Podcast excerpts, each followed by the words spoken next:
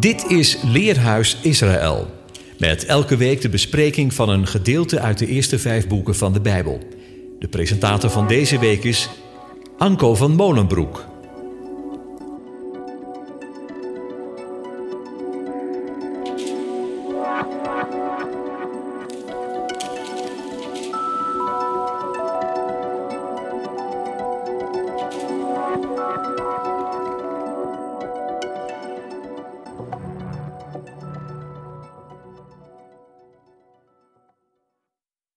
Beste luisteraar, in de biologie wordt gedrag gezien als een kenmerk van leven. Elk levend organisme gedraagt zich, ook als het stokstijf stilstaat. Want gedrag heeft altijd een functie, namelijk overleven. Drie dingen zijn belangrijk voor overleven: voeding, voortplanting en verdediging. Deze drie categorieën vinden we ook terug in de Torah.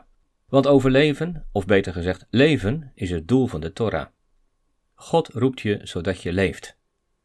Niet voor niets zegt God: doe dat en leef. En daarom geeft de Torah ons onderwijs over ons voedsel, over voortplanting en over verdediging. Verdediging tegen vijanden en niet in de laatste plaats tegen ziekten en plagen. De vorige parasha, Shemini, eindigt met het onderwijs welke dieren er wel en niet gegeten mogen worden door de Israëlieten. De hedendaagse wetenschap laat zien dat deze voorschriften niet willekeurig waren, maar direct de gezondheid van de mensen betroffen. Als de aanwezige zegt: Doe dat en je zult leven, dan is dat een aanmoediging voor je eigen bestwil. God heeft onze gezondheid, ons leven op het oog. Kijk, en dat is nu net het verschil tussen de mens en de andere schepselen, de eigen verantwoordelijkheid. Wij mensen hebben keuzevrijheid. We hebben de vrijheid om ons aan de grenzen te houden. En om ons daarbij in het goede spoor te houden, gaf de Eeuwige het onderwijs in de Torah. De parasha voor deze Shabbat is een dubbele. Om toch in een jaar tijd de hele Torah door te nemen, worden er soms dubbele lezingen ingelast. Deze week bestuderen we daarom de parasha Tazria en Metzora. Tazria wil zeggen zij die ontvangt, en Metzora betekent degene die melaats is. Parasha Tazria en Metzora omvatten Leviticus 12 tot 15. De Haftara-lezing is uit 2 Koningen 7, vers 3 tot 20. En daarin lezen we vier Melaatse mannen, mannen die niets meer te verliezen hebben, op onderzoek uitgaan naar het legerkamp van de Syriërs die Samaria belegeren. Daar ontdekken zij dat de Syriërs gevlucht zijn. Ze eten en drinken, nemen en verbergen goud en zilver. Tot zij tot zichzelf komen en zeggen: Dit is een dag met een goede boodschap. Wij moeten daarover spreken. De lezing uit Marcus 1, vers 35 tot 45 sluit hierop aan als een Melaatse door de Messias genezen wordt. Zo wordt het ook voor hem een dag van een goede boodschap. Een tweede lezing uit het Evangelie is Lucas 2, vers 22 tot 35. En toen de dagen van haar reiniging volgens de wet van Mozes vervuld waren, brachten zij hem, dat wil zeggen Yeshua, naar Jeruzalem om hem voor te stellen aan de eeuwige. Dat was voor de wereld een dag van een goede boodschap. Zowel de Melaatse als de Messias moeten naar Jeruzalem, naar de priester, naar de tempel gaan om aan de aanwezigen te worden voorgesteld. Zo alleen konden de dagen van haar reiniging worden vervuld, voor het aangezicht van de aanwezigen. Als thema voor dit leerhuis heb ik gekozen de dag van de goede boodschap. En deze boodschap zien we vanuit twee perspectieven. Het ontvangen van het leven, Tasria, zij ontvangt, eerst in het ontvangen van een mannelijk kind en daarna in het ontvangen van een meisje. En het tweede punt, de verantwoordelijkheid van het leven.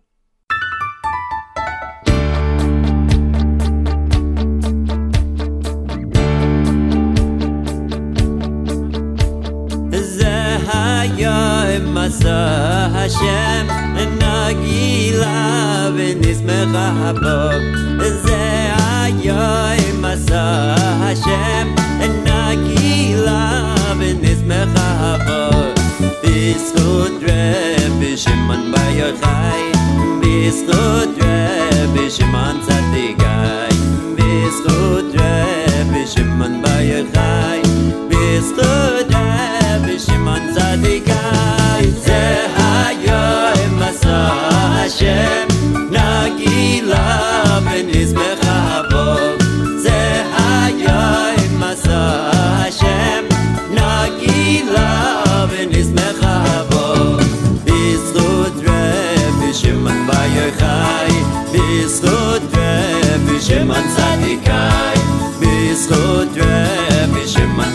khay bis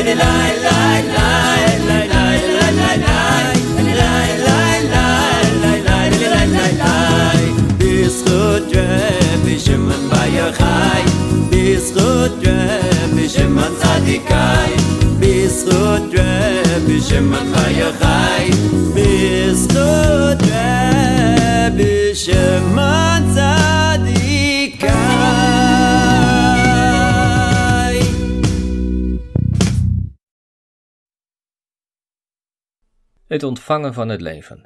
Luisteraar, God is een God van de levenden. Hij wil dat je leeft en daarom zegt hij: doe dat en leeft. Dat is een belofte, een goede boodschap.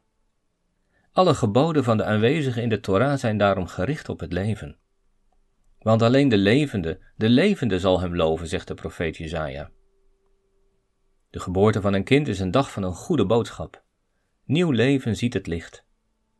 En toch zegt de Torah dat de moeder ritueel onrein is. Waarom is dat? Bij een geboorte staat de moeder met één been in het graf, zo zegt men wel. Het is het moment waarop een vrouw het dichtst bij de dood staat. Bij een geboorte vloeit het geboortebloed. En in het bloed is het leven, zegt de schrift. En waar het leven wegvloeit, volgt de dood. Daarom is er sprake van rituele onreinheid na de geboorte van een kind. We lezen Leviticus 12 uit de Naardense Bijbel. Dan spreekt de ene tot Mozes en zegt: Spreek tot de zonen Israëls en zeg: Wanneer een vrouw zaad draagt en een mannelijk kind gebaard zal hebben, is ze zeven dagen lang besmet, als bij de dagen van afzondering. Wanneer ze ongesteld is, wordt ze een besmette. Op de achtste dag wordt het vlees van zijn voorhuid besneden, dertig maal een dag, en nog een drietal dagen blijft ze thuis, omdat er bloed vloeit dat haar reinigt. Al wat heilig is, mag ze niet aanraken, en in het heiligdom mag ze niet komen, totdat vervuld zijn de dagen van haar reiniging. De Naardense Bijbel gebruikt het woord besmet voor onrein. In het Hebreeuws is dat het woordje tameh, geschreven met tet, mem, alef. De tet staat voor baarmoeder, maar ook voor omringen, bevatten. De mem is de letter die het water en ook de chaos verbeeldt, en de alef is de een, de eerste, de leider. Onrein wil dus eigenlijk zeggen dat de ene door het water door de chaos is omvat. Leven komt altijd voort uit water.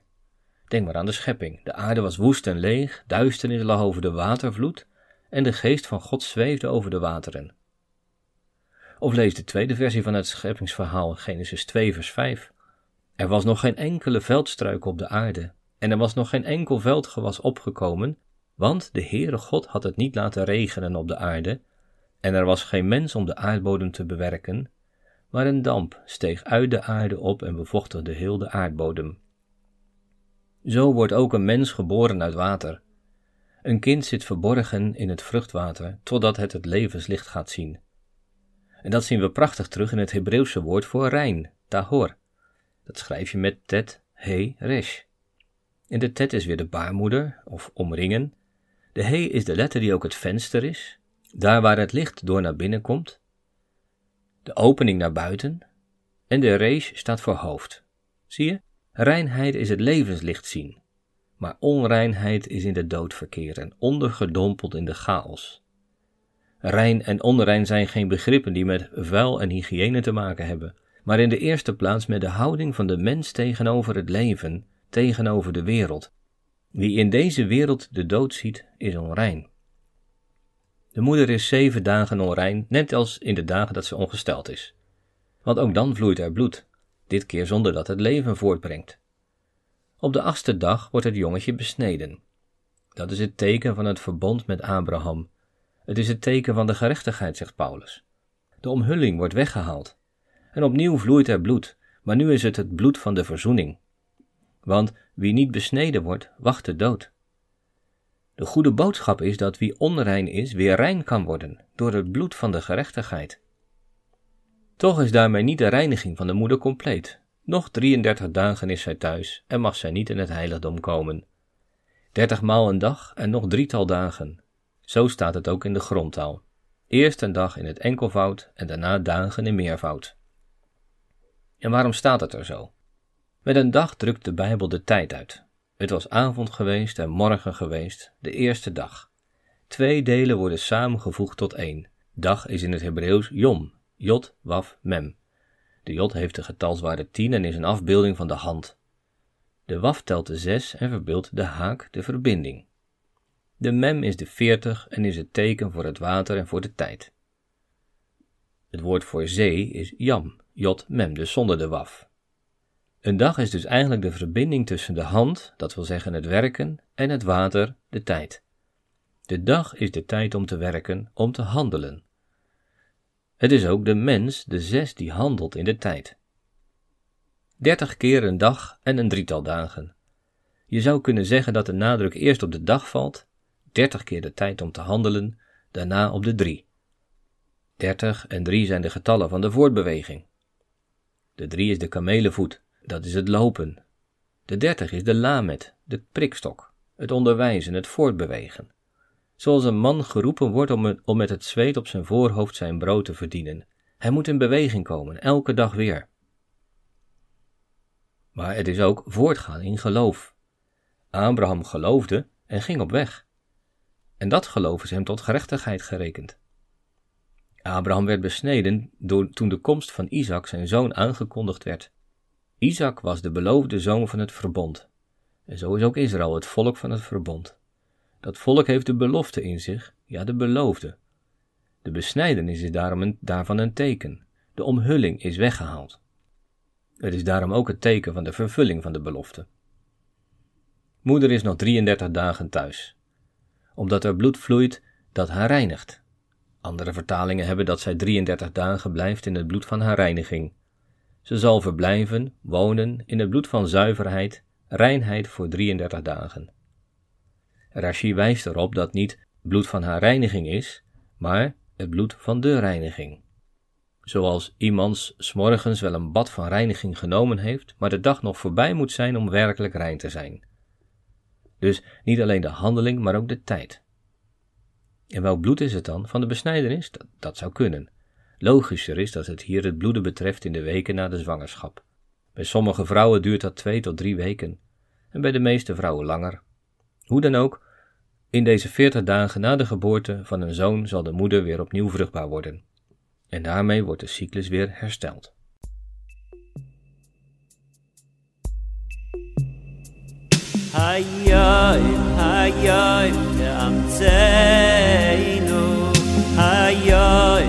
hayay, te'amtzeinu Hayay, hayay, tevarecheinu Hayay, hayay, tegadleinu Hayay, tidrishenu letoiva Hayay, tishma shavateinu Hayom תקבל ברחם ברצון את תפילותינו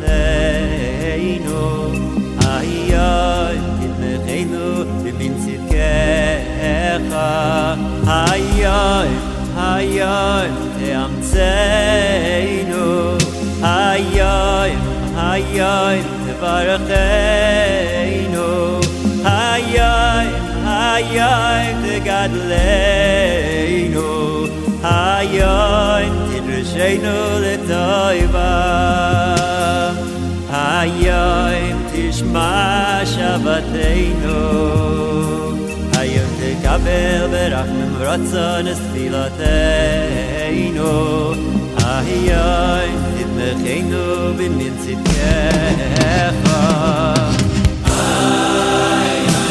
איי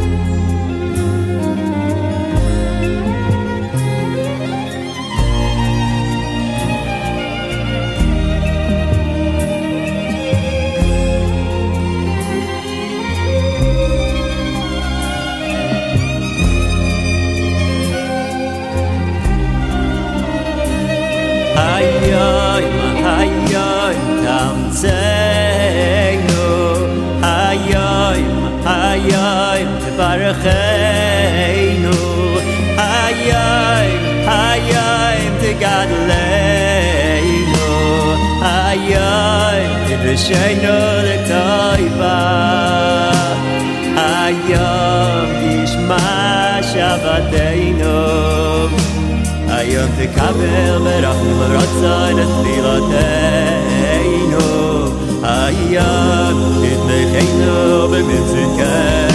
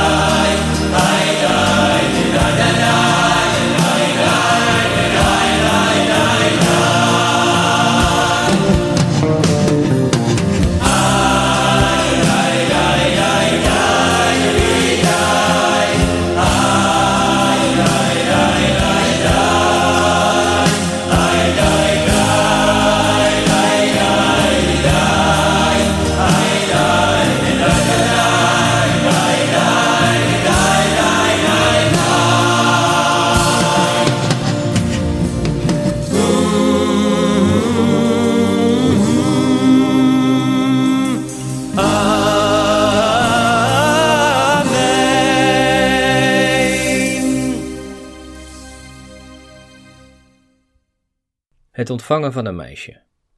Luisteraar, wellicht bent u het voorgaande nog aan het herkauwen.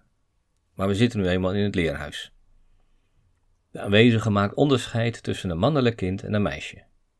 Nee, de Bijbel kent geen seksisme, maar God heeft man en vrouw een eigen plek. Als ze een meisje baart, is ze tweemaal zeven dagen besmet, als in haar afzondering. Zestigmaal een dag en nog een zestal dagen blijft ze thuis, omdat er bloed vloeit dat haar reinigt. In plaats van zeven dagen is moeder na de geboorte van een meisje twee keer zeven dagen onrein. De herziende statenvertaling vertaalt met twee weken, maar er staat letterlijk het meervoud van zeven. De vraag die ons natuurlijk op de lippen brandt, is waarom de Torah de periode van reiniging na een meisje verdubbelt. Welk onderwijs krijgen we over het leven? En al vaker heb ik gewezen op de verhouding 1 staat tot 2. De 1 tegenover de dubbelheid. Die verhouding komen we dus ook tegen in de man en de vrouw. De man is de eerste, de vrouw de tweede. De vrouw is gekoppeld aan de twee. Daarmee wordt ze niet achtergesteld en minderwaardig geacht, maar daarmee wordt de scheppingsorde aangeduid. Want wat lezen we in Genesis 1? In het begin schiep God de hemel en de aarde. De ene schiep de twee, de hemel en de aarde. Niet voor niets begint de Torah met de letter Bet, de tweede letter van het alfabet, en de letter die ook huis betekent. Twee wil zeggen een verdubbeling, maar ook een scheiding. God maakt een scheiding tussen licht en donker. Hij maakt een scheiding tussen water en water. En op de derde dag scheidde God zee en land. Op de derde dag deed hij zelfs twee dingen, want hij schiep ook zaaddragend en vruchtdragend gewas. Zie je, steeds gaat alles in tweeën. De schepping kenmerkt zich door tweeheid. En zo werd zelfs de mens Adam in tweeën gesplitst want de vrouw werd van hem afgescheiden. De man was eerst en daarna de vrouw. Dat zegt Paulus ook in 1 Korinthe 11, vers 7 en 8. De man is het beeld en de heerlijkheid van God. De vrouw is echter de heerlijkheid van de man. De man is immers niet uit de vrouw, maar de vrouw uit de man. En even verder voegt hij daaraan toe: evenwel is de man niet zonder de vrouw en de vrouw niet zonder de man in de Here. Want zoals de vrouw uit de man voortkomt, zo is ook de man er door de vrouw, maar alle dingen zijn uit God. De apostel zegt dus niets anders dan de Torah. De man verwijst naar de schepper, de vrouw verwijst naar de schepping.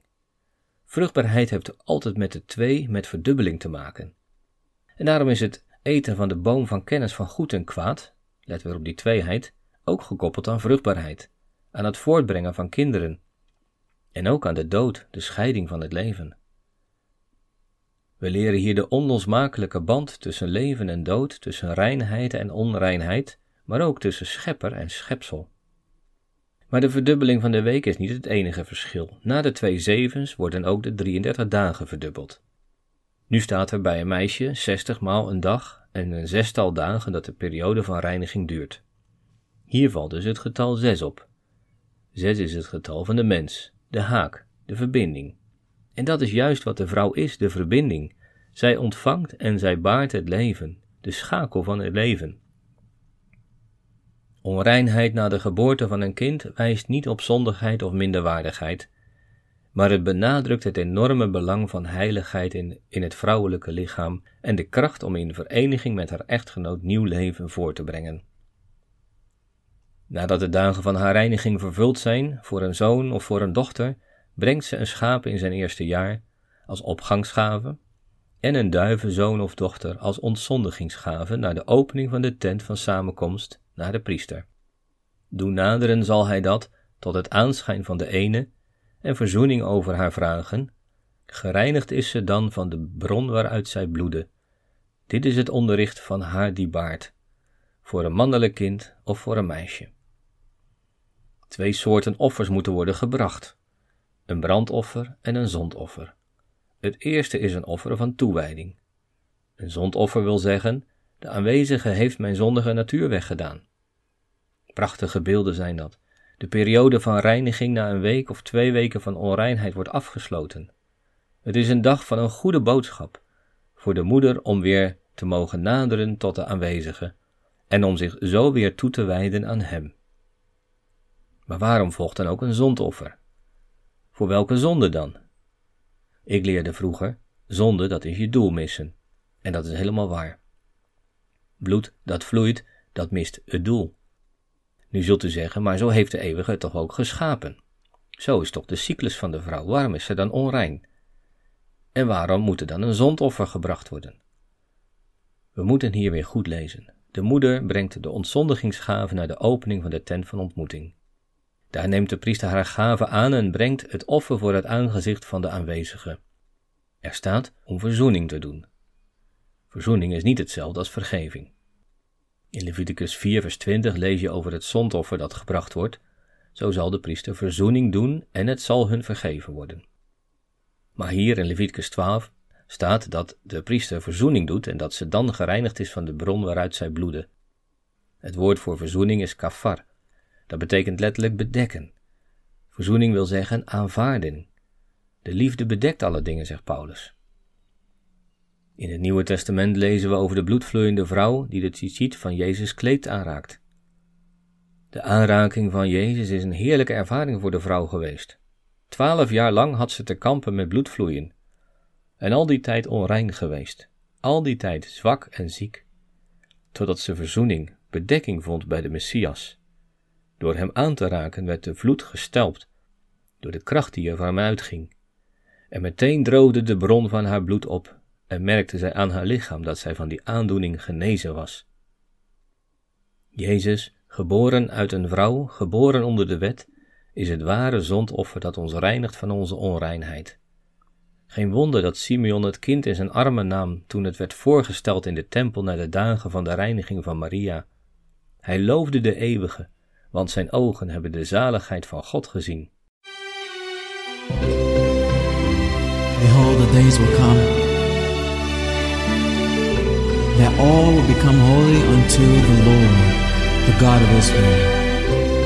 הנה ימים באים שהכל יהיה קודש לאדוני, אלוהי ישראל. הנה ימים באים, הנה ימים באים, שהכל יהיה קודש לאדוני. הנה ימים באים, הנה ימים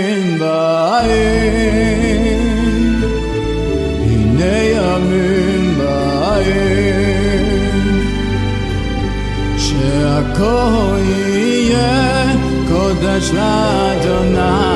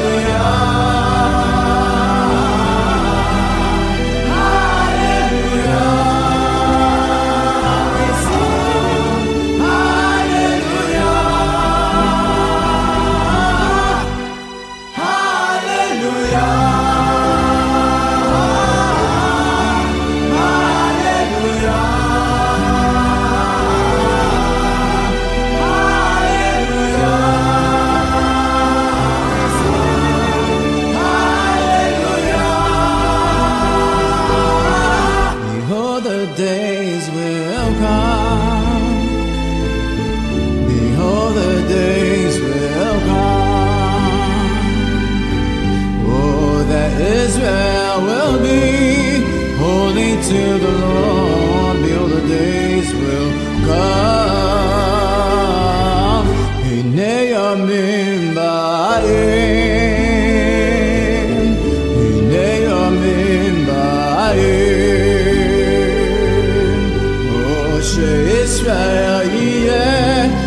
Kodesh la'Adonai. Hine yamim ba'im.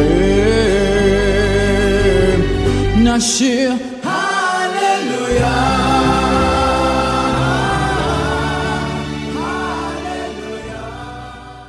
Ons derde punt is de verantwoordelijkheid van het leven. De parashat Tazria vervolgt met de voorschriften betreffende melaatsheid. Tsa'arat is hier het woord dat gebruikt wordt. Het stamt af van het woord tsara, dat neerslaan betekent. Iemand die lijdt aan tsa'arat is te neergeslagen. Die is door de aanwezigen geslagen. Melaatsheid wordt ook een plaag genoemd, nega. Zoals de tiende plaag, de dood van de eerstgeborenen, ook nega genoemd wordt. En als de aanwezige iemand slaat, dan is dat als gevolg van zonden. Sforno zegt dat deze plekken, aangetaste plekken in de huid, niet is wat wij melaatsheid noemen, maar een apart soort ziekteverschijnselen die van bovenaf worden gestuurd. Deze verschijnselen worden zichtbaar in de huid. De overlevering zegt dat toen de wereld door de aanwezigen geschapen werd, deze gevuld was met de goddelijkheid, zichtbaar. Na de zonde werd dat diepere aspect van de wereld verborgen. De mens ziet de goddelijkheid niet meer. Daarom kregen Adam en Eva ook leer en kleding als bedekking. Voortaan zagen ze alleen aan wat voor ogen was. Ook al is de huid een bedekking, er zitten wel poriën. Het is voor de mens wel mogelijk om iets van het goddelijke te zien. Paulus spreekt van een ingeschapen godskennis. Er blijft iets goddelijks achter. Echter wie dat ontkent, diens huid wordt helemaal afgesloten, zeggen de wijzen. En waar de poriën afgesloten worden, daar komen plekken op de huid, sa'arat, huidontstekingen. Het is opvallend dat in Leviticus 13 en 14, waar het gaat over zien en niet zien, heel vaak het woordje waheni toegevoegd wordt. En dat wordt vertaald met en zie. En let op. In het boek Leviticus wordt het 26 keer gebruikt, als een verwijzing naar de naam van de aanwezige.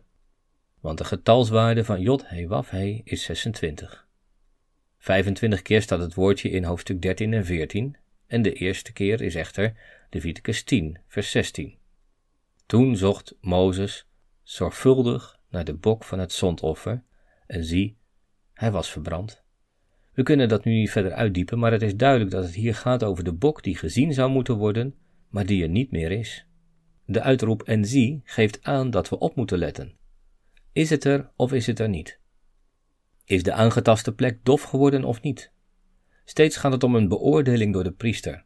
Hij heeft het goddelijke licht nodig om te zien of de aangetaste huid een oordeel van God is of niet. Zie, zo is de plaag van melaatsheid een lichamelijke uiting van een geestelijk probleem. Het innerlijk wordt zichtbaar. En toen Mozes geroepen werd en hij het bezwaar uitte dat de Israëlieten hem wellicht niet zouden geloven en niet zouden gehoorzamen, toen moest hij zijn hand in zijn boezem steken. Zijn hand kwam er melaats uit. En met onze hand handelen we, nemen we onze verantwoordelijkheid. Gehoorzamen we. En dat is een innerlijke overtuiging, het goed doen. De Aman werd van zijn melaatsheid genezen toen hij gehoorzaamde. Mirjam stond op tegen Mozes. Dat was de verkeerde verantwoordelijkheid nemen. En bovendien sprak ze kwaad van Mozes. Kwaadsprekerij over een derde persoon doodt drie personen. Hij die kwaad spreekt, hij die het aanneemt en de besprokene, zegt de Talmud. Daarom wordt melaatsheid vooral gezien als een gevolg van kwaadspreken, van roddel en achterklap. Zo bezien leidt deze hele wereld aan melaatsheid. Door de moderne media is het bereik van leugen en bedrog vele malen groter geworden dan ooit. Fake news en fact-checking horen inmiddels tot de standaard woordenschat. En hoe moeten wij in deze wereld handelen? Leven is geroepen zijn tot verantwoordelijkheid. Wij zeggen wel eens: God heeft een plan met je leven en dan gaan we zoeken naar Gods wil. Wat wil Hij dat ik ga doen? Dat is op zich een belangrijke vraag. Beter is: wat is je verantwoordelijkheid nu? Dat kan ook je huidige werk zijn, datgene waar je voor opgeleid bent. Want jouw leven is het plan van God. Het zou elke dag ons gebed moeten zijn: Heer, zet een wacht voor mijn mond, hoed de deur van mijn lippen. Laat mijn hart zich niet neigen naar een slechte zaak, om goddeloze daden te verrichten met de mannen die onrecht bedrijven. Psalm 141. En er kwam een Melaatse naar hem toe, die hem smeekte en voor hem op de knieën viel en tegen hem zei: Als u wilt, kunt u mij reinigen. En Jezus, innerlijk met ontferming bewogen, stak zijn hand uit, raakte hem aan en zei tegen hem: Ik wil, word gereinigd. En toen hij dat gezegd had, week de melaatsheid meteen van hem en hij werd gereinigd. En nadat hij hem streng vermaand had, stuurde hij hem meteen weg en zei tegen hem: Denk erom dat u tegen niemand iets zegt, maar ga heen en laat u zelf aan de priester zien, en breng als offer voor uw reiniging wat Mozes voorgeschreven heeft, tot een getuigenis voor hen. Maar, nadat hij weggegaan was, begon hij veel dingen te verkondigen en de zaak overal bekend te maken, zodat hij, Jezus, niet meer openlijk in de stad kon komen. Maar hij was buiten in de eenzame plaatsen, en ze kwamen van alle kanten naar hem toe. Want het was immers een dag van de goede boodschap